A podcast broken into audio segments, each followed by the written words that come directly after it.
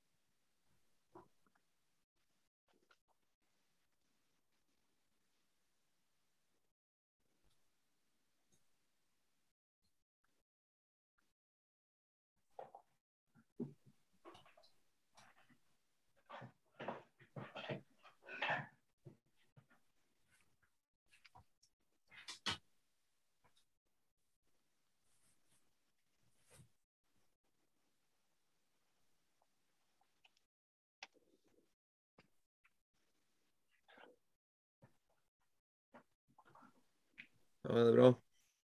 Det er bra, Per Øyvind. Takk for sist. Jo, det.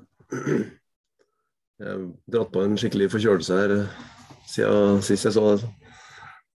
Det har vært eh, hjemmekontor noen dager. Jeg skjønner. Det. Og du henger i stroppen? Jeg prøver. Jeg er i hvert fall frisk, så da må jeg jo bare henge i. Skal jeg bare slippe inn noen til her før vi starter opp helt. Skal vi se. Nå begynner det å komme seg inn, tror jeg, de fleste her. Ja, det kommer sikkert noen litt på etter hvert der. Vi holder den litt til før vi starter opp. Så.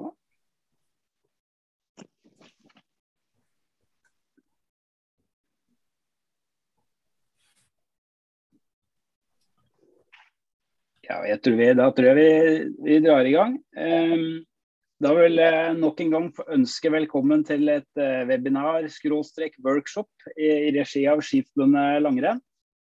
Um, vi skal um, i kveld se litt nærmere på teknisk-taktiske ferdigheter. eller det vil si kanskje grunnlaget for å utvikle de. er det, har vi med oss to som jeg skal presentere øyeblikkelig som skal få lov til å gjøre.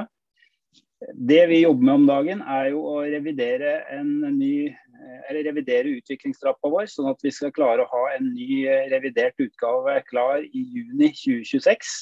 Og en av gruppene som jobber med den revisjonen, det er eh, Thomas som, jeg, som kommer inn her på teknisk, eh, teknikk og taktikk. Um, vi har tenkt at det skal være en litt sånn uformell og grei tone på dette her eh, webinaret, workshopen, i dag. Eh, Thomas og Christian skal få starte med å mm, presentere litt eh, sine tanker og hva de jobber med. Og så åpner vi opp for spørsmål fra dere mot eh, slutten, eller etter en halvtimes tid. Og Da er det åpen uh, mic si, for de som vil slå på kamera eller ikke. Og det man gjør da, er at da velger man uh, under reactions nederst på skjermen, det står i hvert fall på min, uh, så finner du en raise hand. og Da er det fint hvis du bruker den, eller skriver inn i chatten.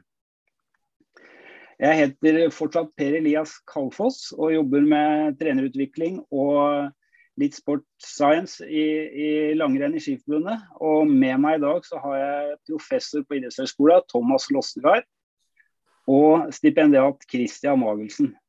Og nå gleder jeg meg Thomas og Christian, til å høre hva dere har å si. og bare informere alle om det er. Vi tar opp eh, webinaret, sånn at dere er klar over det. Takk skal du ha, Per Elias. Um, ja, som du sier, så, så prøver vi kanskje å ha en litt sånn uformell tone i dag. Men vi tenkte kanskje at vi innleder første 20-25-30 minuttene med litt sånn bakgrunnsstoff som vi også har noe konkret å diskutere med eh, eller om. Og så på en måte litt sånn spørsmål som drar i salen. Og så ser jeg at det er mange meget kompetente folk som sitter i salen på, på området. Så jeg håper vi kan få litt diskusjoner rundt, eh, rundt temaet. Um, og så Det som går på teknikk og taktikk er jo egentlig et veldig sånn stort fagfelt. da, så Vi var litt sånn usikre på hvordan skal vi angripe det. Men Det som vi primært har tenkt å snakke om, det er uh, si, metodikken bak teknikktrening. Uh, og da er det veldig fint å ha med Christian, som er veldig dyktig på det teoretiske grunnlaget bak motorisk læring, og som også kommer fra uh, alpint. Sånn at vi får på en måte også den dimensjonen med en annen type idrett, og hvordan man jobber inn der. da. Så vi kjører nå sånn ja, maks halvtime, tenker jeg. Eh, håper at det ikke blir kjedelig, men at, vi, at det, er, det, er, grunnlaget for litt god diskusjon. Og så, så er det bare å stille spørsmål etter, etter presentasjonen.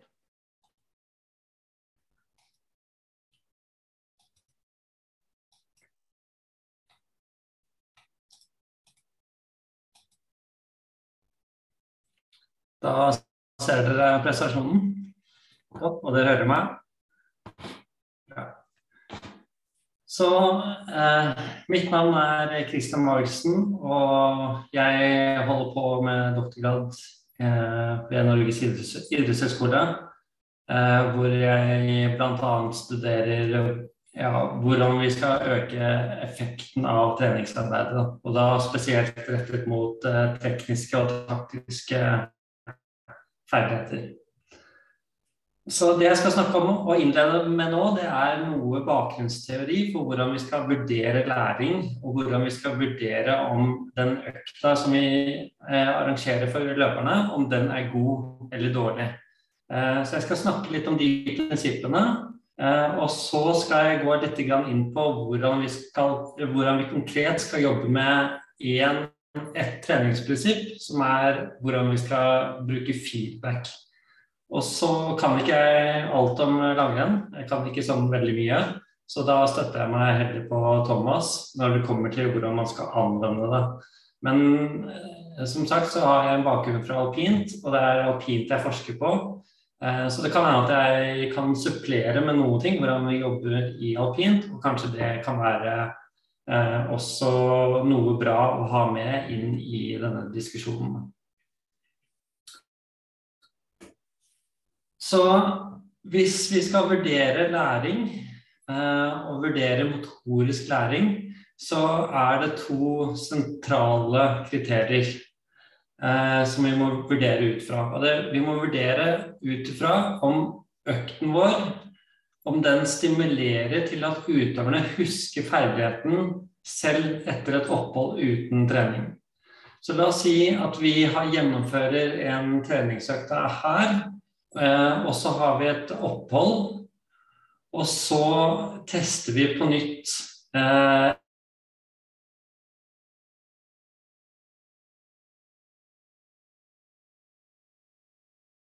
den læring, læringen eh, som utøverne viste her, eller den prestasjonen som utøverne viste under denne selve innlæringen, at den sitter igjen etter en periode uten, uten trening. Så på fagspråket så kalles denne her for uh, dette kriteriet her, det kalles for uh, retention. Uh, og det er på en måte veldig sentralt for oss. Fordi hvis vi skal ha eller i hvert fall sånn som vi gjør det i alpint, så er det sånn at vi legger treningen inn i ulike samlinger. Vi reiser vekk fordi det er der vi forsøker å finne snø. Og da er det veldig sentralt at vi Eh, mellom disse treningssamlingene at eh, det er noe av denne kunnskapen, denne ferdigheten, som er, er bevart. Andre kriteriet eh, det er at ferdigheten må kunne generaliseres til andre situasjoner eller andre typer forhold. Så hvis vi øver på teknikk i én situasjon, så ønsker vi at denne læringen fra den situasjonen, at vi tar med oss denne til en annen type situasjon. Og dette kriteriet her det kalles for eh, retention Nei, unnskyld. Det kalles for eh, transfer eller overføring til en ny situasjon. Så hvis vi skal vurdere om økten vår er god, om den stimulerer læring, så er det viktig å vurdere den ut fra disse to kriteriene. Og det som, jeg, det som gjør dette fagfeltet så utrolig interessant, er jo en sånn type interaksjon der eh, økten som gir mye fremgang eh, og bra prestasjon under selve innlæringen, at den ikke nødvendigvis er den som eh, gir god læring. Og dette har jeg forsøkt å illustrere i denne figuren her, der vi ser trening her, og vi ser testsituasjonen her. Og da ser vi at den gruppen eh, som, eh, som, hadde bra prestasjon under innlæringen, skårer dårlig på, på selve testen, mens eh, den innlæringsmetoden som kanskje ga dårlig prestasjon under selve innlæringen, gir, bedre, uh, gir, bedre, gir, et bedre testresultat når du måler etter, uh, etter noen uker. Og dette er et sånn typisk funn innenfor motorisk læringsfaget. Man finner en sånn type interaksjon, og det er det som jeg syns er interessant med dette, med dette fagfeltet. Det vi skal se på nå, er eh, feedback, og hvordan dette passer inn i det jeg akkurat har snakket om. Hvordan skal vi lage gode økter for å stimulere, eller med hjelp av feedback, som stimulerer læring istedenfor eh, prestasjon. Og Da har jeg to modeller til dere, og jeg lar dere eh, få lov til å tenke litt selv før jeg sier noe om hva som kan være fornuftig. Men her har jeg skissert opp tre modeller til dere. Modell A, så gjør utøveren et uh, forsøk. De får feedback etter forsøket. Gjør et nytt forsøk, feedback, nytt forsøk, feedback osv. Så, så poenget her er at utøveren får feedback etter hvert eneste forsøk. Er det en god måte å gi feedback på, eller skal vi forsøke modell nummer B, der du gir en oppsummerende feedback etter eh, f.eks. fem runder, sånn som det er vist i dette tilfellet her. Eh, og, eller skal du forsøke å, modell nummer B, der du eh, samler feedbacken etter, eh, etter ti forsøk. Først da gir du oppsummerende eh, tilbakemeldinger på alle disse forsøkene. Og jeg lar dere bare tenke litt hvilke av disse modellene dere ville brukt som, som, trener. Eh, så jeg gir dere 15 sekunder nå eh, før jeg snakker videre. Men ta et standpunkt selv. Hva er det du tror på som, som trener?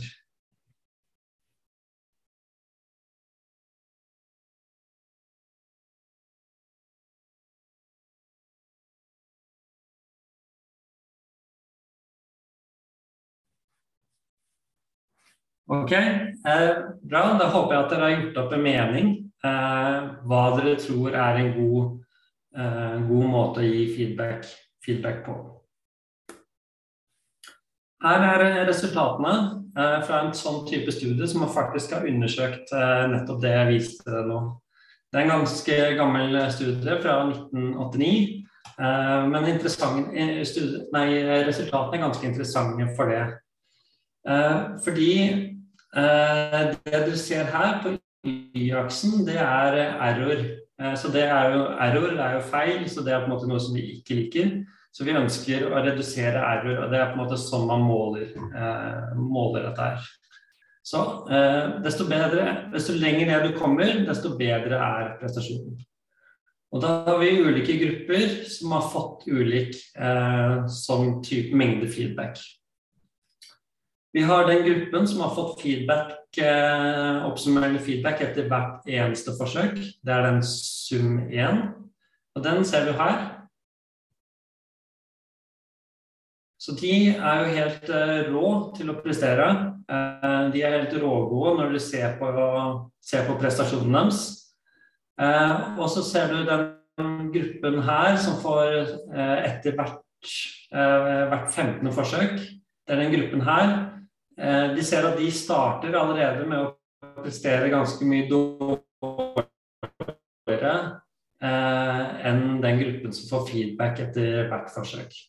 Eh, og de når egentlig aldri helt igjen de, den gruppen som fikk feedback etter hvert forsøk. Så ut fra dette her, så er det jo slik at man burde kanskje anbefale at man skal gi feedback etter hver, hvert forsøk. Og det er jo noe som eh, man må være litt bevisst på. Og det er jo nettopp det at vi skal Vi er jo egentlig ikke interessert i prestasjon under selve innlæringen, men vi er interessert i å måle retention. Hvor godt er det ferdigheten sitter igjen, eller hvor godt er det vi sitter igjen eh, med den ferdigheten etter en periode etter øvingen. Og dette er retention-kriteriet som jeg snakket om i stad. Og hvis vi ser på det, da Hvis vi tar med dette her inn, så ser du det at den gruppen som fikk mye feedback eh, under selve innlæringen, det er den gruppen som scorer dårligst på retention. Så denne gruppen her, som fikk feedback etter hvert forsøk Når vi måler retention Jeg husker ikke hvor, ofte hvor lang retention-periode de hadde her, men eh, minimum så er det 48 timer. Så etter 48 timer, la oss si det er det, så ser du at den gruppen her går ganske langt tilbake. Mens den gruppen som uh, fikk feedback etter hvert 15. forsøk, det er plutselig den som uh, har, har, best retention. Så den økten som uh, gir god prestasjon, er ikke nødvendigvis den som gir god læring. Og Dette er på en måte en, en viktig studie eh, som viser nettopp eh, denne effekten her. Og Da tenkte jeg å forsøke å, å, snakke litt om hvordan er det vi kan anvende dette her i, i langrenn. Og da, da, tenkte jeg egentlig å sette ordet over til eh, Thomas. Hvis det er greit, eh, Thomas? Da. Ja, jeg, har ikke noe, jeg tror ikke jeg har noe valg når du sier det på den måten, så jeg må bare fortsette. Nei, men jeg tenkte eh, I forhold til det med feedback, så er det jo En ting er det også det som Kristian snakker her i forhold til når gir du feedback. Eh, men en annen del også som omhandler det samme, er jo på en måte hvordan kan vi organisere treninga, og hva slags type feedback er det vi eh, gir utøverne våre. Og Litt av bakgrunnen for dette her var at når jeg, når jeg underviser på, på idrettshøyskolen på langrenn, så har jeg ofte kanskje 20, kanskje 30 studenter samtidig. Og Det er jo liksom standard også når vi er trenere ute. For de aller fleste, unntatt de som jobber kanskje med, med dedikerte grupper på, på elitenivå, så har man ofte store grupper. Og Da liksom begynte jeg å tenke hvordan kan vi organisere treninga og sørge for at den feedbacken som vi gir, er best for samtlige. Og Den vanlige måten er den nederste delen som står her, det med coaching. og gi på en måte eh, tilbakemeldinger fra treneren til utøveren. Eh, men så finnes det også, som dere vet, ulike måter for videofeedback i dag. Med dagens teknologi og bruk av mobiltelefoner og filme seg sjøl, så gir det helt nye muligheter kontra for, for 15 år siden. Og så er det en annen eh, modell som, som, er med observasjon eller modellæring, som også brukes i veldig stor grad i mange idretter. Der man observerer eh, andre og på en måte hermer etter eh, andre sin, sin, teknikk. og Det er en typisk eh, modell som ofte brukes f.eks. i, i snowboard, eh, freeski, den type der, der man ser etter andre og ser hva de beste gjør, og lærer på den måten. Så Dette var på en måte litt av utgangspunktet for hvordan vi tenker undervisning, eh, og som senere også ble utgangspunkt for en studie som, som Ove Solli gjorde på sin, sin doktorgrad. Man klikker videre, Kristian. Så eh, det med observasjon, eh, modellæring, det er jo som jeg var inne på, at det, det kan man jo gjøre av andre eh, eller seg selv. Og det kan gjøres live eh, ut fra å se på andre eller å se på video. Eh, og når vi har store grupper, så er det naturlig da f.eks. dele inn i toer- eller treerteam som trener sammen. kjenner hverandres arbeidsoppgaver og utfordrer hverandre til å holde riktig fokus. Men som vi skal komme inn på senere, så det som er sentralt for at en sånn type metodikk skal funke, det er at utøverne er modne til oppgaven. Eh, så dette er kanskje ikke en modell som passer for de aller minste, eh, men som kanskje kan være en modell som passer bedre for, for eldre utøvere. Og som jeg også kommer litt tilbake til, det er helt sentralt skal man få de metodene til å fungere, det er å på en måte avgrense litt hva man skal ha fokus på. Eh, hvis vi f.eks. skal gå inn på eh, staking, så blir det veldig mange faktorer som kan være interessant å se på. Og utøverne har ofte en tendens til at de, de gjerne vil se på ting som kanskje ikke er så relevant, men som i synsøyemed ser viktigere ut enn det egentlig er. Og Derfor er det veldig sentralt å på en måte ha en veldig klar plan på forhånd. Hva er det vi skal se etter, og hva er det vi skal jobbe etter. Kan vi gå videre? Det med video er jo det veldig mange bruker i forskjellige former i dag. Eh, igjen, det å prioritere det aller viktigste og unngå å bli for opptatt av detaljer er sentralt. Det å kunne bruke telefon, som jeg skal komme tilbake til, er en eh, interessant måte å tenke på. Altså Dagens ungdom er jo Det gjelder ikke bare ungdom, men det gjelder for oss andre òg. Men at telefonen er et veldig sånn sentralt virkemiddel for veldig mange.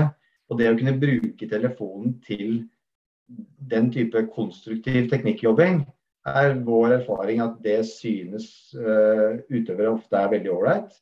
Den er lett tilgjengelig, man har den med, den tar liten plass i drikkebeltet. Man får veldig bra videokvalitet i dag. Så det å gå sammen to og to, filme under trening, eh, filme den andre, se direkte, det å få feedback direkte etter du har gjennomført den også, synes å være sentralt. Um, men igjen det å ha fokus på elementer. Og vår erfaring òg er at det å kombinere video og tidtaking er veldig nyttig informasjon i forhold til å vurdere teknikk og se opp mot effekten av eventuelt en teknikkendring. Nå går jeg et steg videre. Så Det som dette enda litt ut i, det var som sagt denne, denne studien som vi gjorde her for noen år siden i, i Ove Solli sin, sin, doktorgrad. Der vi undersøkte eh, hvordan det som kalles diet practice, eller det med måte observasjon av andre, Eh, det med videofeedback, der man ser seg sjøl på, på, video, eh, mot en ekspertcoach-gruppe. Så Vi hadde de tre gruppene som vi sammenligna eh, mot en kontrollgruppe. Så så vi på effekten av sånn type motorisk læring på 14-15-åringer på prestasjonen i padling. Så det de i prinsippet gjorde, det var at de trente noen uker på den dårlige hengsida i padling og så så vi da hvor stor framgang er det de har i prestasjon ved bruk av observasjonslæring, videofeedback eller ekspertcoaching. Det var delt inn i tre forskjellige grupper.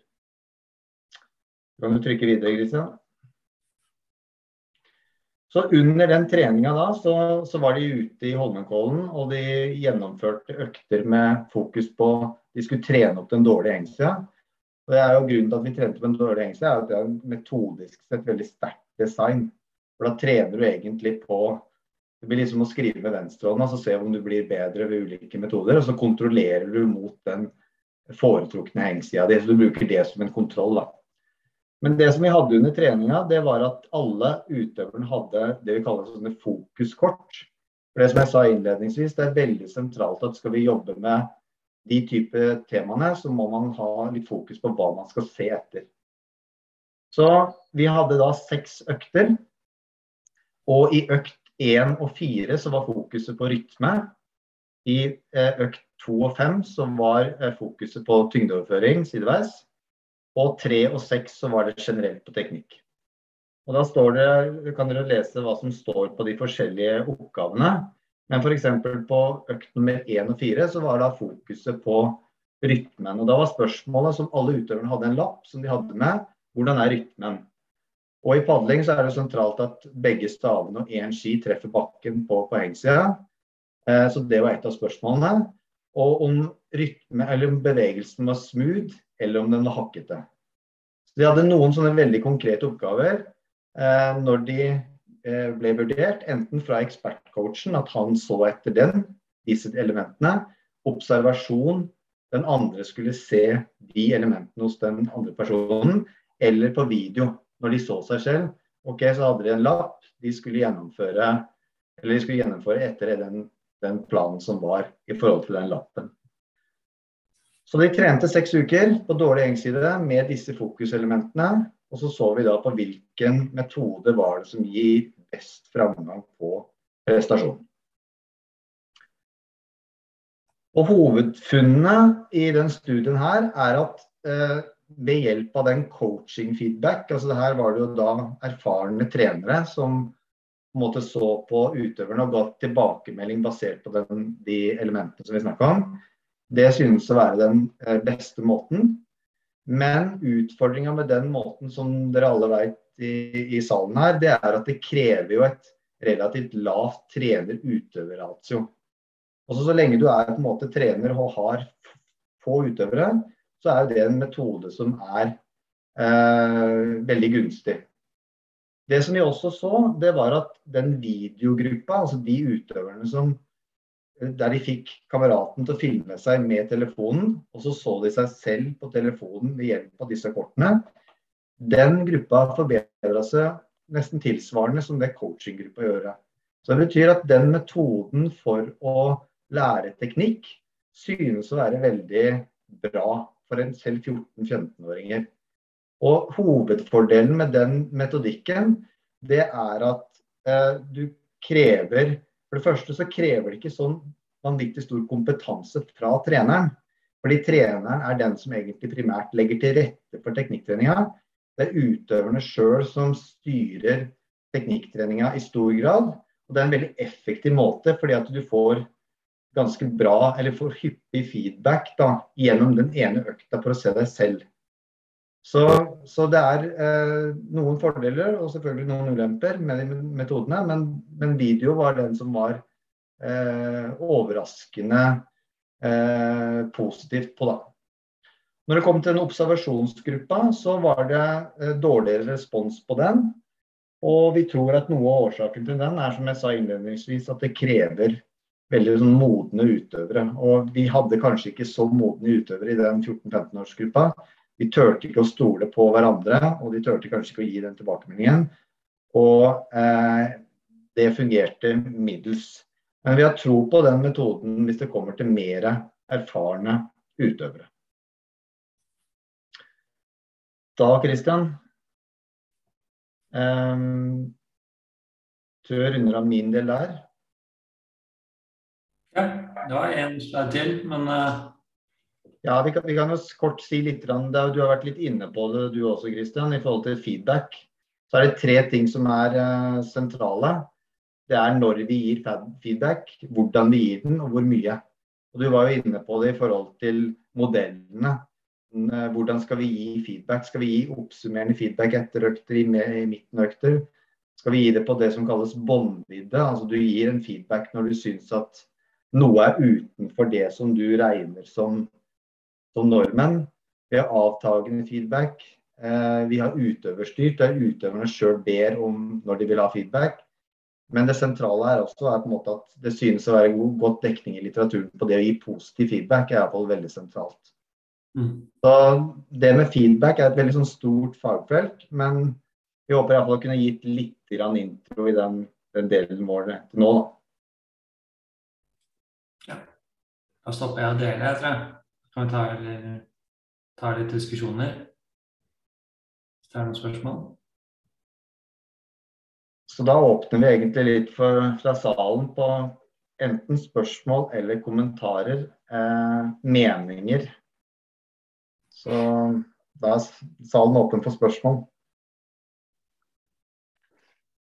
Jeg starter med et, da, Thomas, som jeg satt og lurte litt på etter å ha hørt på Det var kanskje Christian, men eh, når vi har trenerkurs og sånn, så sier vi jo ofte Christian, at vi, det er viktig å se alle utøverne og, og, se de ofte. og Kanskje en måte å se de på er jo å si noe til de på.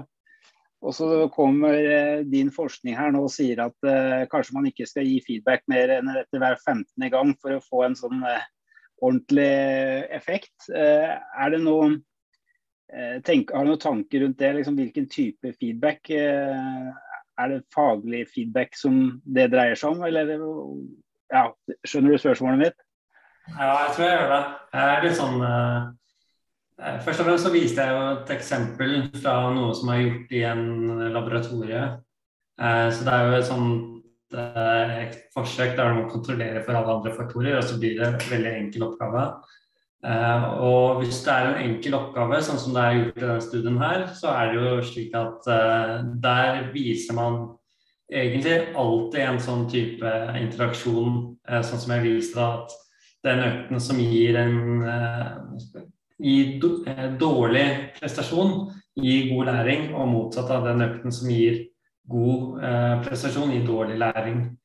Så der, der, finner du egentlig alltid sånne eksempler på sånne typer studier. Da med en gang man begynner å nærme seg liksom noe som er mer komplekst, og kanskje langrenn, så er det litt mer sånn um, Kanskje litt usikker, da, fordi det er, det er mer komplekst, og du har med andre du har med utøvere som er på, også på et forskjellig ferdighetsnivå.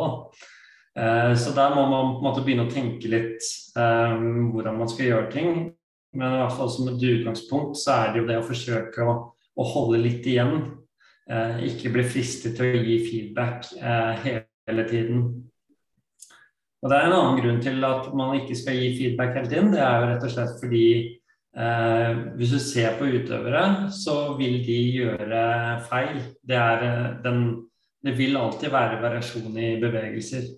Så hvis du skal, Og det er naturlig, fordi det er støy i de motoriske kommandoene som, vi, eh, som hjernen vår bruker for å sende disse signalene ned.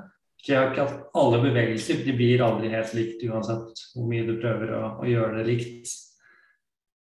Eh, så hvis du skal hele tiden korrigere på feedbacken etter hver runde, så er det også en dårlig strategi. Da. Så det å liksom oppsummere noe, eh, det kan være litt fornuftig, da.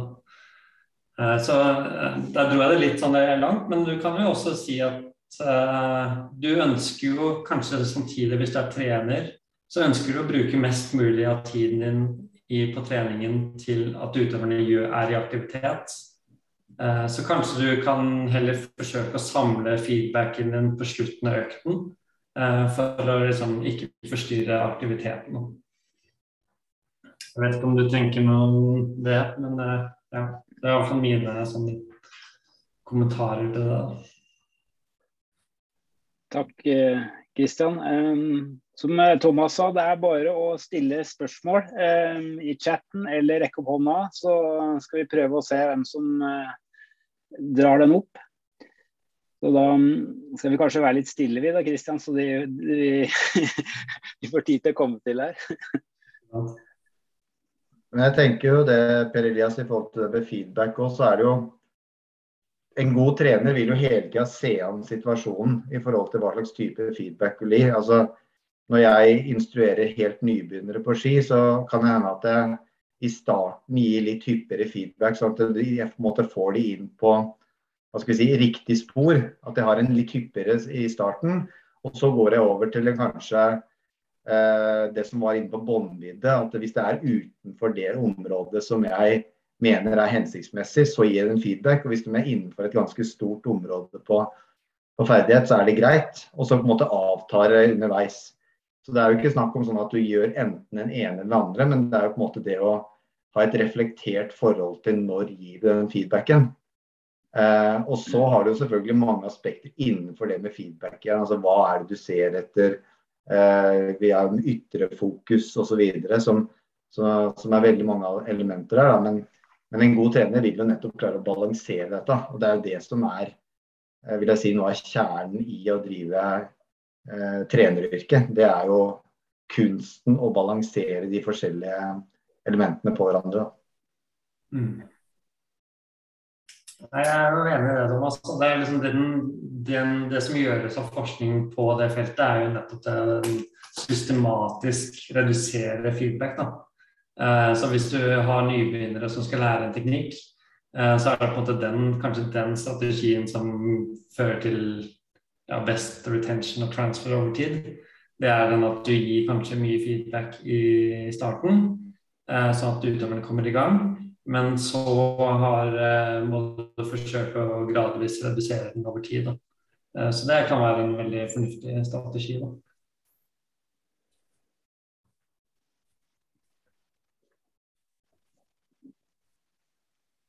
Jeg prøver å se her om jeg ser noen hender. Jeg gjør ikke det ennå, men um, jeg regner med at det er noen her som har noen innspill eller, eller spørsmål.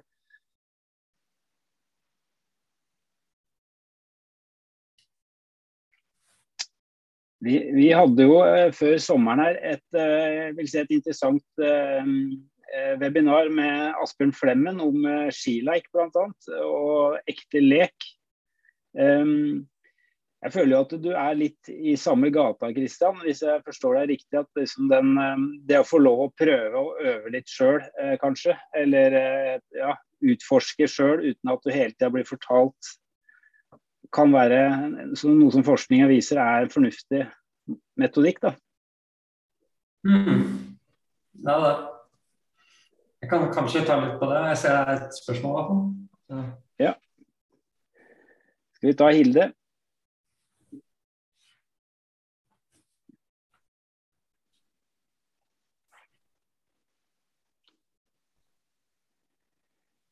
Vi hører deg ikke, Hilde, hvis du, har, hvis du ser om du har på mikken din. Vi ser deg, men hører deg ikke. Nå er mikken der, ja, kanskje.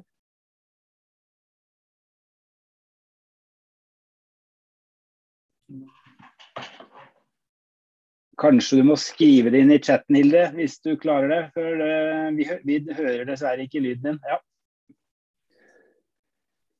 Fortsett du, Kristian, hvis du begynte på noe. Jeg kan, jeg kan eh, dra dere litt med i hvordan man tenker i alpint. og så kan det hende at kanskje det er eh, litt på siden. Men det kan være også en mulighet eh, å skape noen refleksjoner. Da.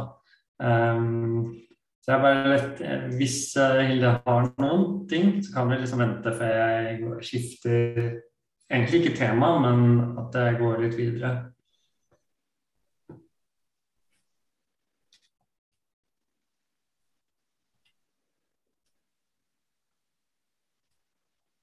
Jeg følger med i chatten her, men um, det kanskje det kommer noe fra Hilde snart. Eh, jeg tenker jo med så mange flinke her, og jeg hørte bl.a. en på sendingen i helga som har fått mye Fikk hyggelig omtale, som jeg vet er med her. Eh, per Øyvind, eh, har du lyst til å si litt om hvordan du jobber med teknikk, eller hva tenker du i forhold til det som Christian og Thomas presenterer? Jeg vet du er litt forkjøla og har litt dårlig stemme kanskje, men har du noen tanker?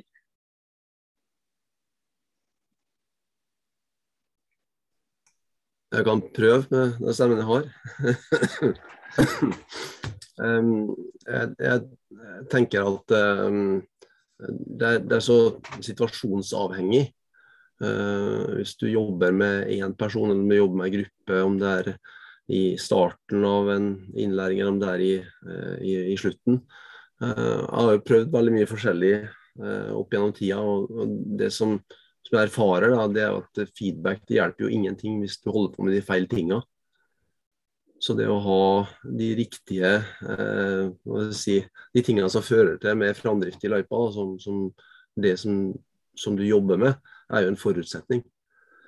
Um, men eh, jeg, jeg, opplever jo også spesielt eliteutøvere som de er ikke så veldig opptatt av å få høre noe hele tida. De må være motivert fordi de må være villige til å ta tak i det akkurat der og da. og Når de er på den fronten, så, så, så får du til ganske mye. Men eh, hvis de ikke er interessert, så spiller det ikke rolle hva feedback du gir.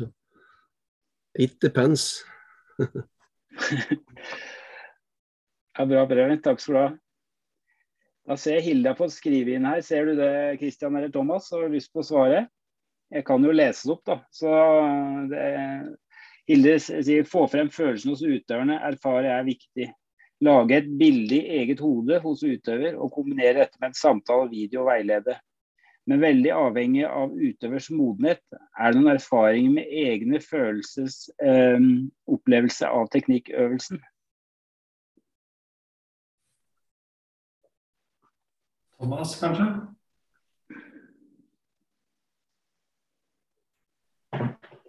Har du lyst til å si noe? Ja, altså det å på en måte skape, skape selvstendighet hos utøveren og på en måte modenhet hos utøveren er jo, er jo helt uh, sentralt for å videreutvikle teknikken òg. Så det er jo på en måte vist, uh, vist uh, flere ganger. Um, Så, så det, jeg tenker at veldig mye av det som vi holder på med, handler om å tilrettelegge for, for trening. Eh, teknikktrening. Og det er jo som Per Elias var inne på, det med, med skileik som Jeg har iallfall følt at det er et område der vi eh, virkelig har mulighet til å påvirke utøverens eh, feeling på hva de holder på med, og fra tidlig alder. Og skape den, den variasjonen. Eh, så jeg mener at det er liksom det er jo der vi virkelig burde hatt de gode trenerne i Norge. Det er, det er jo på de aller yngste. Eh, for å på en måte få de opp på et, et eh, så bra allsidig nivå som, som mulig. Da. Mm. Jeg også, det som ble sagt her, er jo at eh, få frem følelsene hos utøverne, eller lage bilde. Eh, det er jo kjempeviktig at de faktisk forstår hva de skal jobbe med. At de har liksom et, eh, et bilde de skal, skal jobbe med, eller en forestilling om hva de ønsker å oppnå. Eh, så den effekten er det veldig viktig at man klarer å kommunisere på en eller annen god måte, da, som ikke blir ja, altfor abstrakt, eller som er ganske konkret. Da. Det tror jeg er, er en god strategi. da. Jeg kan jo fortsette med et lite spørsmål her, da, Thomas, til deg. Eh, du snakker jo om noen sånne kort som du brukte på den økta. Eh, ble det gjennomgått noe på forhånd hva som lå i de kommentarene som du hadde på de korta? Eller hvordan ble de presentert for, eh, for utøverne, de, hvis jeg forsto det riktig? Ja, de ble presentert i forkant, sånn at alle var enige om hva, hva det betydde. Og så var på en måte kortene egentlig en en påminnelse om hva man skulle fokusere på.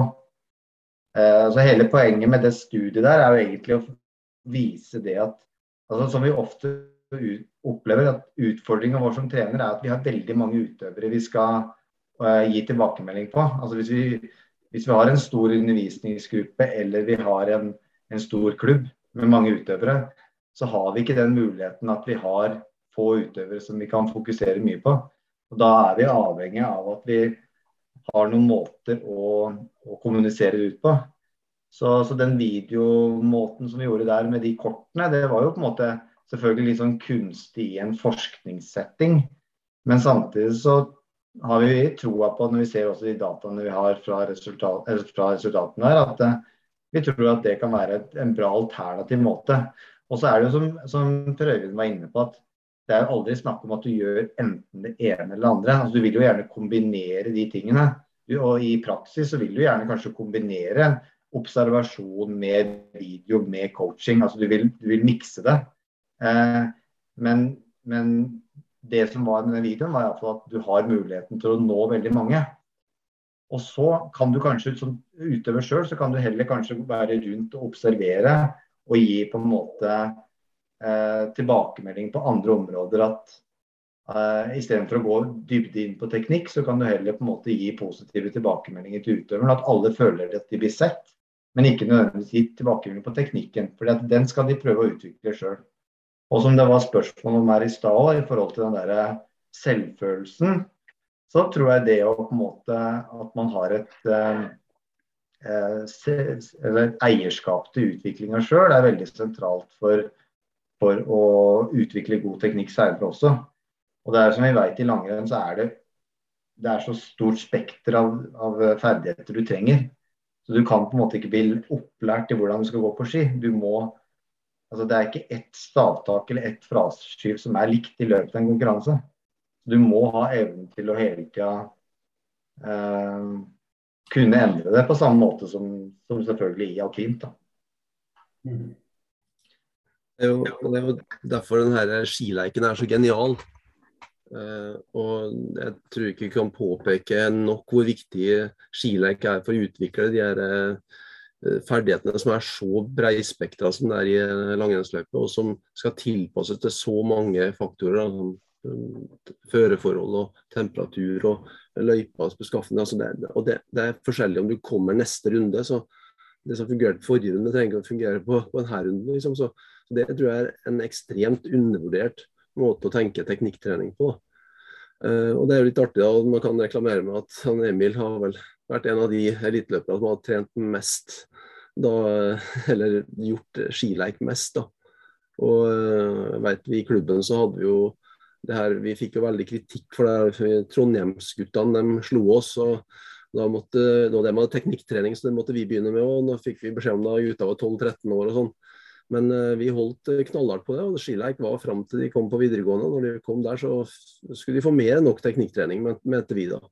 Og det, og det, tror jeg på en måte, når du ser Eh, tekniske løsninger, evne til å tilpasse seg veldig mange forskjellige deler av løypa, så er Emil veldig dyktig på svinger, på overganger, på sånne her ting. Og det blir mange sånne i løpet av en konkurranse som betyr veldig mye for sluttsummen. da. Så, så eh, skileik det har alt, det gir alt, og det krever alt. Jeg tror jeg er helt enig med deg, Per Øyvind. Og jeg tror også at eh, hadde du undersøkt intensiteten i løpet av en skileikøkt, hvis du legger opp den bra, så er det en vanvittig bra fysisk trening også. Eh, det er ikke bare teknisk, men du på en måte kombinerer flere ting på en helt glimrende måte. Så jeg er helt enig med deg at det er en meget undervurdert uh, treningsform. Og det er jo den overdrevne troen på at jo mer man organiserer inn mot uh, såkalt teknikktrening, jo bedre er det. Uh, og så jeg slår et slag for skileiken. Vi får, vi får, be Øyvind Sandbakk å ta fram bacheloroppgaven sin. Uh, der Han undersøker nettopp det du sier. Han så på intensitet da, under skileikøkt sammenlignet med fem ganger fem i motbakke for 14-15-åringer. Og Det var jo Marte Kristoffersen og den gjengen der som var med på det her. og De visste faktisk at de hadde høyere intensitet på ei skileikeøkt enn de hadde på en fem ganger fem i motbakke da, for den aldersgruppa. Det har gått, Torvik. Det må jeg få lov å si. da. Det her begynner jo å bli 20, 20 år siden, da. men uh, det er helt riktig. Det, det, det, som var morsomme med det, da, det var jo at um, det var ganske enkle målinger vi gjorde der. Da, men samtidig vi tok jo laktater, vi tok puls, og vi hadde spørreskjema og vi intervjua det her. Da, så det var, det var jo interessant. Altså, det var én ting som var spennende, jeg tror jeg har fått lov å sagt nå, da. Det var jo at uh, all, aller flest, vi, vi klarte å gjennomføre De bevega seg mer, det var mer tekniske element. De hadde høyere puls, de hadde høyere laktat, men opplevde at det ikke kosta ting da, når de kjørte skileik. Uh, og det hadde like mange høydemeter. og vi liksom, hadde jo standardisert at det skulle i hvert fall få treningsmessig det samme utbyttet, pluss mer tekniske utfordringer. Uh, og alle utøverne bortsett fra én syntes at det var mye mer gøy da, og mye mer givende med skileik enn eh, en tradisjonell sliterintervall. Da. Men Marte Kristoffersen hun syntes det var absolutt best å trene sliterintervall, for det kosta mest, og da måtte det være best trening. Det var konklusjonen hennes. Ja, veldig bra, Øyvind og Per Øyvind. Eh, jeg har et, en tanke til ja, som jeg har liksom observert litt eh, og ikke har så god dokumentasjon på. for Jeg driver jo ikke forsker så mye, men uh, jeg har jo vært hopptrener i mange år. Så eh, ser jo at det er jo en, vil jeg si, en ganske sånn spesifikk ting du gjør. Du kjører ned et tilløp og hopper helt liksom likt hver gang. Og det mønsteret som setter seg da hos de yngste utøverne, det blir ofte værende veldig med liksom hele, hele løpet. Hvilke tanker um, har dere rundt det i forhold til langrenn? Altså det, og da jeg, tenker jeg kanskje litt i sånn indirekte her på utfordringer hvis det mønsteret da ikke er helt hensiktsmessig, og at du kanskje må lære, lære noe nytt eller avlære det. Hvem spør du? Hva sa du, Kristian? Hvem er spørsmålet til? Ja, det, Du kan ta du ettersom du var først ute. Nei, jeg har ikke Jeg vet ikke helt. Uh, for jeg vet ikke helt hvordan de jobber i hoppsporten. Men uh, det er jo noe i hvert fall sånn som umiddelbart, hvis jeg skal svare på det, så er det jo en ting som man ofte opplever, som i hvert fall hvis jeg tar det alpint, er at vi trenere Eh, vi er veldig opptatt av hvordan ting ser ut. Uh, og vi, er, vi, glemmer ofte uh, egentlig den effekten som vi ønsker å, å få til. Uh, og den, det er jo som, som trener så står du på en lang kant, og så ser du utøveren, og så gir du tilbakemelding på hvordan ting ser ut. Da. Og Det er jo ofte ting som kan slå feil, fordi de tingene du mener som trener, er ikke nødvendigvis det som er effektivt. Da. Og Det er liksom umiddelbar tanke når du nevner dette med hoppeksempelet, er jo at um, ja, man kan komme dit at man glemmer det som på en måte gir en, en effekt. Mm, bra. Jeg vet ikke om jeg, jeg, jeg, fikk helt svar på spørsmålet ditt, det kan hende. Men uh, jeg tenkte i hvert fall på det med liksom, avlæring. Da, av, eller hvis du har lært et feil mønster. Da, som kanskje sitter liksom hardt i utøveren. altså at Det er veldig vanskelig å, å gjøre noe med det mønsteret. Det er i hvert fall min opplevelse eh, i, i skihopping, at det setter seg veldig. Eh, så lurer jeg litt på, Har dere noen tanker rundt det? Eh, er da skileiken f.eks. at man driver mer bredt eh, tidlig? Noe som gjør at det, sånne ting ikke oppstår så lett? Eller eh, hvordan skal man tenke rundt det?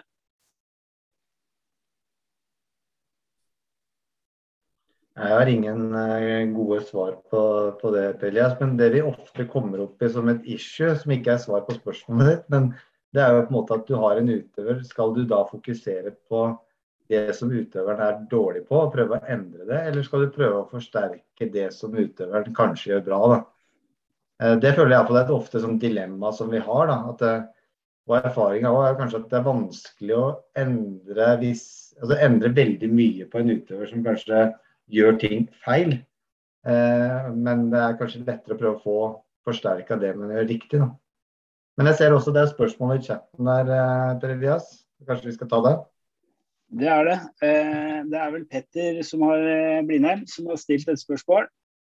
Hvis en ikke kan ha teknikktrening til én til én, hva blir forskningen da sett på? Jeg får prøve meg på nynorsk, da, Petter du har sett på som en optimal gruppestørrelse for teknikktrening. Da tenkte jeg, jeg i junior-senioralder.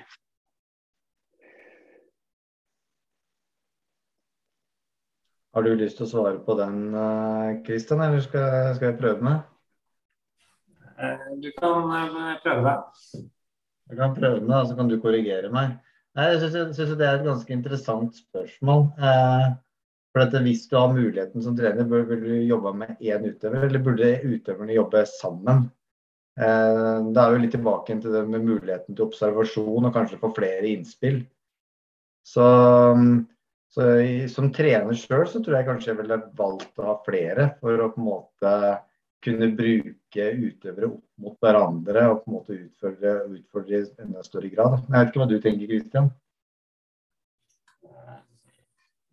Og i hvert at du har nok eh, utøvere, og kanskje at de har en ulike ferdigheter. da. Sånn at du kan på en måte bruke de ressursene du har i gruppa til å lage en god undervisning. da. Eh, jeg vil tenke noe sånt. Altså hvor stor den gruppa må være, det ikke. Eh, og så tenker jeg ikke, ikke nødvendigvis læring, men liksom hvis du skal ha at alle yter maksimalt i, i, i, en gruppe, så er det jo noe med gruppestørrelsen i forhold til det også. I forhold til når er det eh, når er det folk begynner å melde seg ut og ikke bidra. Eh, så det er jo et eller annet der også som det er gjort litt eh, forskning på, sånn sosial loffing. Så det er det jo Ja. Jeg har ikke noe svar, sånn tydelig svar på det. Men kanskje du Christian, kan svare på det neste spørsmålet i chatten. Eh, noen tanker rundt ulike typer feedback? Reflekterende, korrigerende, beskrivende etc. Ja, så det er jo et egentlig veldig godt uh, spørsmål. fordi det er jo sånn OK, uh, jeg snakket om feedback generelt, og da var det jo egentlig sånn det som kalles for knowledge of result, uh, results. At de får feedback på en eller annen sånt eh, objektivt mål. Og så er det noen tanker om ulike typer feedback, og da er det sånn et prinsipp man kanskje skal forsøke å, å følge, det er jo det at Eh, den feedbacken skal jo stimulere til at utøverne bruker indre prosesser i svaret. Eh, eller at de skal stimulere til at istedenfor at de blir helt avhengig av en trener for å få feedback, så skal de forsøke å, den feedbacken forsøke å oppmuntre utøveren til å reflektere og kjenne igjen de eh, tingene som er indre tilbakemeldinger.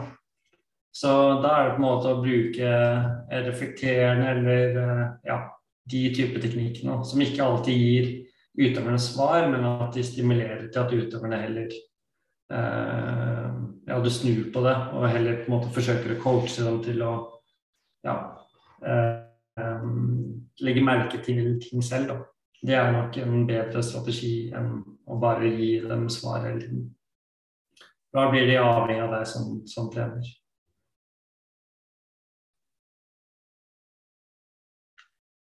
Per Øyvind? Ja, og litt tilbake til spørsmålet til, til uh, Per Elias her. Um, jeg, jeg, tenker at uh, um, den uh, settingen som du beskriver, der at noen har kjørt seg fast i et mønster, eller du ønsker å endre noe, da, at den er på en måte ganske så kjent. og Hvis du tenker oss at for oss da så har vi gjerne en teknisk løsning som var i fjor vinter, og så går vi løs på det her på sommeren og rulleski. Og så når vi da syns vi har fått det ganske bra til, så kommer vi over på snø. Og så er det faktisk helt tilbake med en gang til der vi slutta på ski. Og så, når vi da fortsetter å jobbe, så plutselig så ender vi over med at vi skal ha intervalløkt. Og så er det da fått jobba inn det på ski, men når vi kommer på intervalløkt, så er det borte igjen. Og så som vi opplevde nå i helga, når vi kom til Beitostølen, så var det masse folk som var det var akkurat som å se dem for to år siden. Liksom. De var tilbake til det tekniske nivået de hadde for i hvert fall ett år siden. Um, så, så, så, det som, som i hvert fall Jeg har hatt sånn som prinsipp da, altså, Hvis du ønsker en slags endring ute i foten eller en slags endring i en arm, sånn, så kommer det fra en tanke som du setter i gang først. Altså Det skjer ingen endring der ute hvis du ikke har tenkt noe annerledes enn du gjorde før. da. Så, så, når de forteller hva som skjer, så er det på en måte at de var bare opptatt av konkurranse. De tenkte ikke teknikk, de gjorde ikke noen ting eh, liksom, med det tekniske. De bare gikk liksom, og så bare detter alt tilbake til det som de er vant til å gjøre. da. Så jeg eh, prøver også å jobbe med det sånn at hvis du har tenkt du skal endre teknikk, så må du ha noen tanker som er annerledes enn de du hadde før. Hvis ikke så er det ingen mulighet å få til noen endring. Og, og da er det da samtidig å greie å holde tak i de, og spesielt i overgangene som vi opplever, Sånn at de da på en måte bygger det her inn i, i kroppen sin eh, i løpet av to, tre, fire konkurranser. eller eh, de første 14 dagene når du begynner på ski, eller når du begynner å gå fort på ski.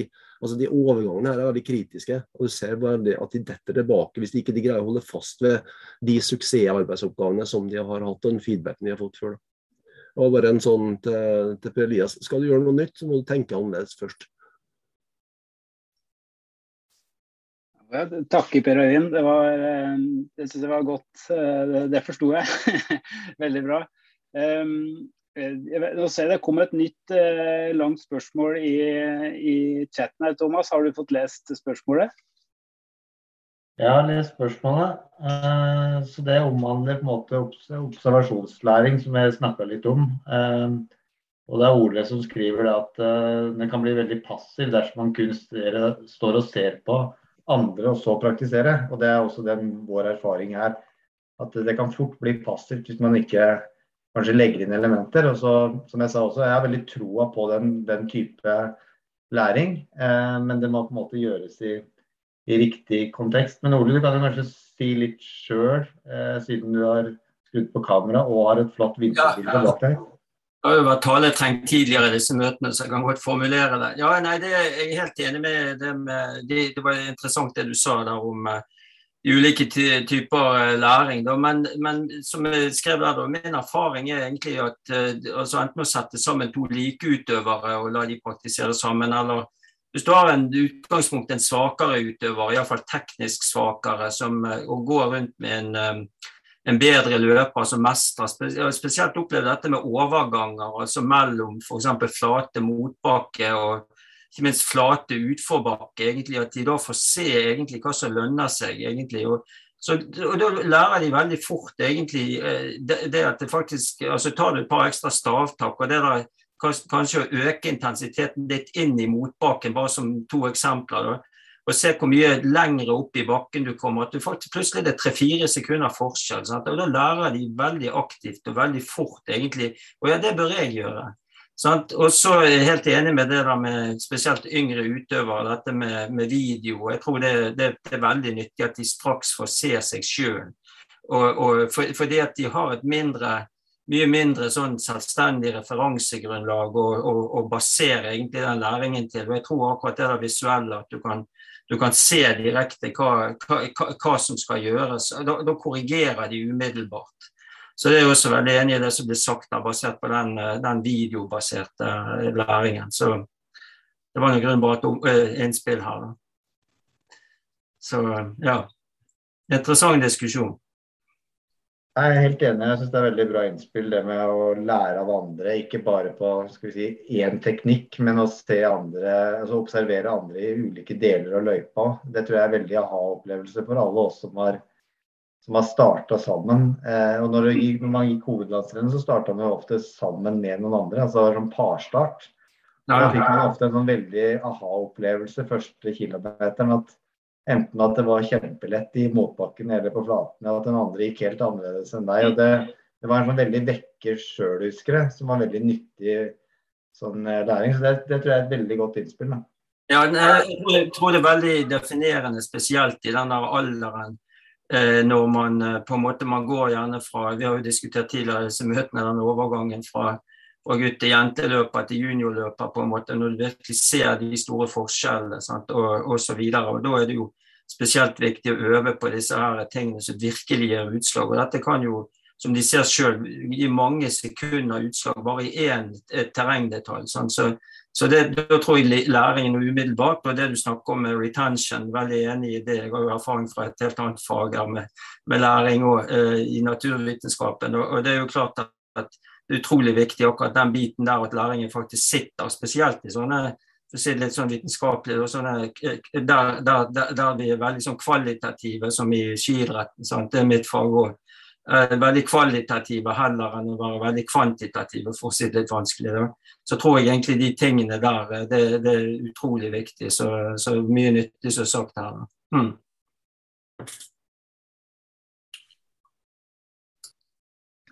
Da, um, tusen takk. Det er veldig fine innspill her. Takk, Ole. Um, jeg ser jo at klokka begynner å dra seg over ni. Vi pleier å holde på til ved nitida. Uh, vi trenger ikke å bråstoppe med en gang, men uh, nå er vi jo som sagt innledningsvis i gang med en utviklingstrapp. og uh, Vi prøver liksom å få fram de forskjellige utviklingsnivåene til barn. Jeg føler jeg er til, til en skiløper. Og jeg syns vi har vært fint innom barn her med mye med skileiken og betydningen av, av den. og det høres ut som de som er med her, i hvert fall er veldig enige om, om det. Og så, Christian, du var jo veldig innom den uh, heter retention. Uh, den, altså det å faktisk lære, forstår jeg det som, da, at det blir en slags at du har lært det ordentlig. Um, hvordan syns du vi skal Det er et vanskelig spørsmål, det vet jeg, men hvordan syns du vi skal ta tak i det i forhold til utviklingstrappa vår? Er det, er det noen viktige momenter vi må huske på i det med teknikk, eh, når vi skal på en måte beskrive noen trinn? Oh, nei, jeg vet ikke. Det er jo litt sånn som jeg sa, eller snakket om innledningsvis. Det var på en måte at vi, det er de to kriteriene vi bør se på. Og så er det jo eh, mange måter man kan sørge for at økten blir, eller stimulerer det. da. Eh, det kan være hvordan du planlegger eh, treningen, hvor ofte du gjør det. Så istedenfor Sånn som vi sliter med i alpint, det er jo det at vi en, arrangerer en samling, og vi, den går over syv dager, og du trener på et eller annet. Og så kommer du etter sommerferien, og så må du på en måte starte helt på scratch igjen. og det er kanskje fordi at den perioden er vi har trent for blokkbasert. da. Så kanskje vi kunne liksom fordele treningen og ha et kontinuerlig fokus på det utover i tid. da. Det kan også være en, eh, en ting som kanskje dere all, sikkert allerede gjør. da. Men i hvert fall noe som vi kommer til å sette opp eksperimenter på i, videre. Og så er det jo det med feedback og hvordan du strukturerer økter og ja, alle de tingene her på en måte på, skal ha en innvirkning på retention og, og transfer. Mm. er bra. Er det noen flere som har noen kommentarer på slutten her som, de, som, sagt, som vi bør ha med inn i tankegangen med ny utviklingstrapp, som, til Thomas og oss andre som jobber med det nå? Jeg kan jo fort bare nevne at han som har gjort all jobben med forskninga, hadde en kommentar i chatten. Så dere kan, dere kan lese der, så får dere iallfall første forskerrådsinformasjon om prosjektet. Og så, hvis det er folk som ønsker å å, lese mer om det prosjektet som jeg viste, så er det bare å sende meg en mail eller sende Ove en mail. Eh, så får dere tilsendt eh, artikkelen på mail. Men ellers så bare støtter jeg opp det Per Ilja sier, at eh, jeg sitter jo på en måte med ansvar for den teknikk-taktikk-delen. og hvis det er noen som har noe genialt å komme med, så er det jo veldig takknemlig for all all eh, si, tilbakemelding og ideer knytta til fokusområdet. Da. så vi, vi, prøver å gjøre en litt revidert versjon av det kapitlet på teknikk og taktikk, der dette her blir en, en del av det. Bra. Eh, jeg har jo egentlig litt lyst på å bare følge opp med et lite sånn uh, spørsmål til uh, Per Øyvind igjen. Da. Som opplever det som jeg òg egentlig ja, kanskje ikke tydelig, like tydelig klarte å forklare, men det er altså at utøvere nærmest går tilbake på noen utviklingstrinn. da. Etter en periode så er de to trinn ned igjen, på en måte. Hva, hva, gjør vi da som trener? Hvilke tiltak iverksetter vi? hva har dere noen, har dere noen tips? Eh, hva, hva, gjør vi da når eh, vi ser at det er gått en stund, og så er utøveren får, på en måte ikke til det? igjen? hvilke tiltak gjør dere da? Noen som har noe på det? Det er, det er jo det som blir coachingoppgaven. da. Det å følge opp det vi har satt i gang og være liksom, litt sånn proaktive som, som trenere. For at eh, når, når, de ikke holder tak i eh, det de skulle, så, så, er det vår jobb å prøve å, å, dra det inn på sporet igjen. Da. Så det, det, er jo, det, er jo, vist her også at den coaching-biten er effektiv. og, det, og Spesielt hvis vi har liksom lagt et grunnlag på forhånd, at å vite hva vi skal jobbe med, hvordan det skal, skal, skal gjøres. Og, og, når de da blir påminnet igjen, så har jeg opplevd at de er veldig snar tilbake igjen. da. Det er jo at det er litt sånn typisk hodemist, men hvis vi ikke følger opp da, da blir det etablere det gamle mønsteret igjen. Altså. Ja. Så det, er ikke noe sånn praksis på å gå liksom eh, tilbake igjen på en måte til noe mer basis, eh, kan du si. Altså at du I hoppbakken så vil jeg kanskje har kanskje litt mer med fryktelement å gjøre. Altså at man um, går ned en bakkestørrelse, typisk. da. Eh, med en utøver som sliter. Eh, det er jo kanskje ikke like stort i langrenn at eh, man har den frykten og kanskje må bygge en ny trygghet. Men noe erfaring med det? Går, gjør dere noe av det? Hvis du spør meg, så vil jeg jo si at da, da, har du jo gjort en analyse av at det er faktisk noen basisferdigheter som ikke er der. da. Mm. Man må gå tilbake og bygge de uh, på nytt. Ja, men det, det, det, generelt så er det jo, i hvert fall hvis jeg snakker om junior og senior i Norge, så har de jo alle de tingene på plass. altså Det er bra balanse, det er de aller fleste tingene. Men så er det veldig mye som går på posisjon, syns jeg. At de på en måte ikke er i posisjon. Eh, de har den basisferdigheten balanse, men det spiller ikke en rolle det hvis du ikke står rett opp på skia di, for da er du på en måte av allikevel. Eh, så, så det, det, jeg vet Pål Gunnar var veldig opptatt av det med å definere grunnposisjonene. Hvor hen, hvordan skal vi stå på skia vår? Fram, bakvekt, sideveis. Eh, de tingene der sånn. Og så jeg opplever det som et sånn typisk område hvor du faktisk må gjøre noen sjekker innimellom på. da. Står de på plane ski? Har de framvekt, bakvekt? Eh, hvordan er de med kropp, fallet sitt i kroppen? Jeg husker han, eh, beskrev det som en potetsekk som sto nede i kjelleren som var litt sånn overfull. og da luta sånn litt sånn framover. Bare en bitte liten i ryggen på den, så rant poteten utover og framover. Liksom. Så, så, det er kanskje en god måte å tenke på. At det er en annen grunnoppsett, en sånn default setting som vi kan ta det tilbake til. Vi må huske på, og så kan vi gå i gang igjen. Jeg vet ikke. Audun sitter der, vet han jobber med litt sånne her ting, gjør ikke Audun? Ja, altså, mm, det er slik at uh, det kan være noen begrensninger rent fysisk som gjør at en utøver kan, kan ha en bra teknikk uh, når en trener rolig, men som uh, utøveren har ikke kapasitet, hverken, altså fysisk kapasitet eller styrke til å greie å gjennomføre teknikken i konkurranse. som du ser Da Og da vil jeg gå ned igjen på lavere intensitet og bygger opp derfra. Altså, det er ikke noe vits i, syns jeg, også, å dunke på med høy intensitet på intervalløkt hvis ikke teknikken fungerer. Så man bygger opp nedenfra. Gradvis øke intensiteten og sjekke at teknikken henger med.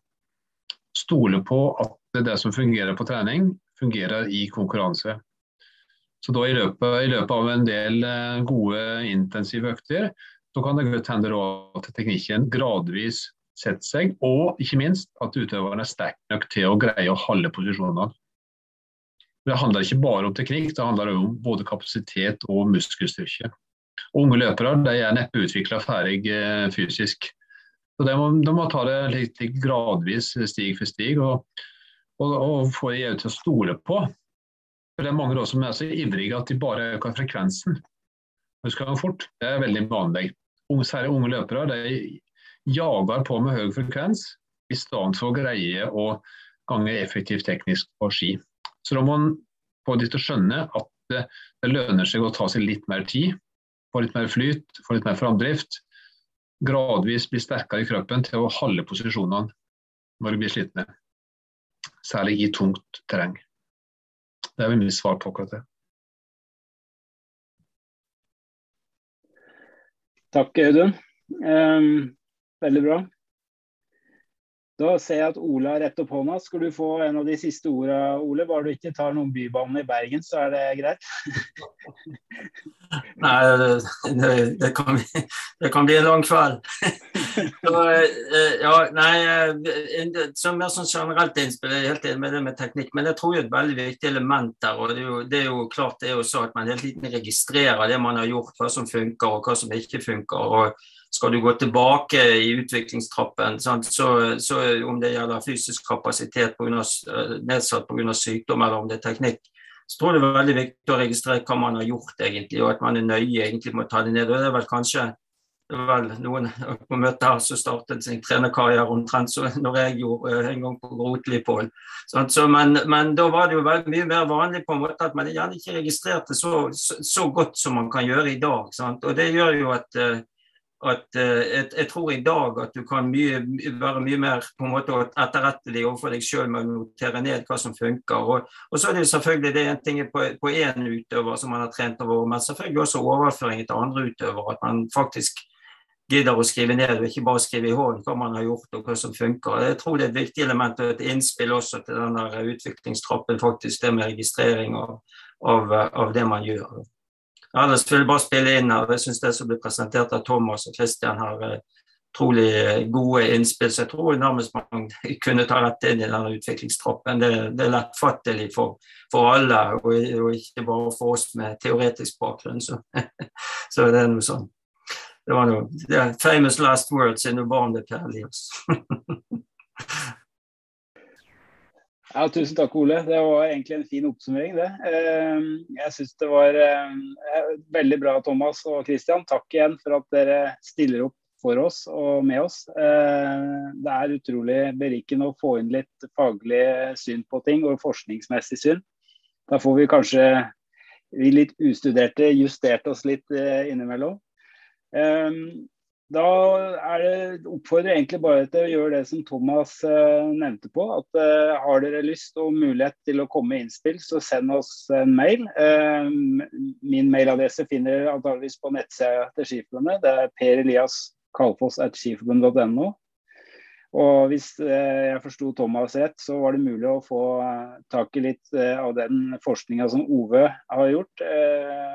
Det er en mail til Thomas, som dere sikkert finner på nih.no. Og der finner de vel Christian òg, tror jeg. Så send noen spørsmål hvis dere har det.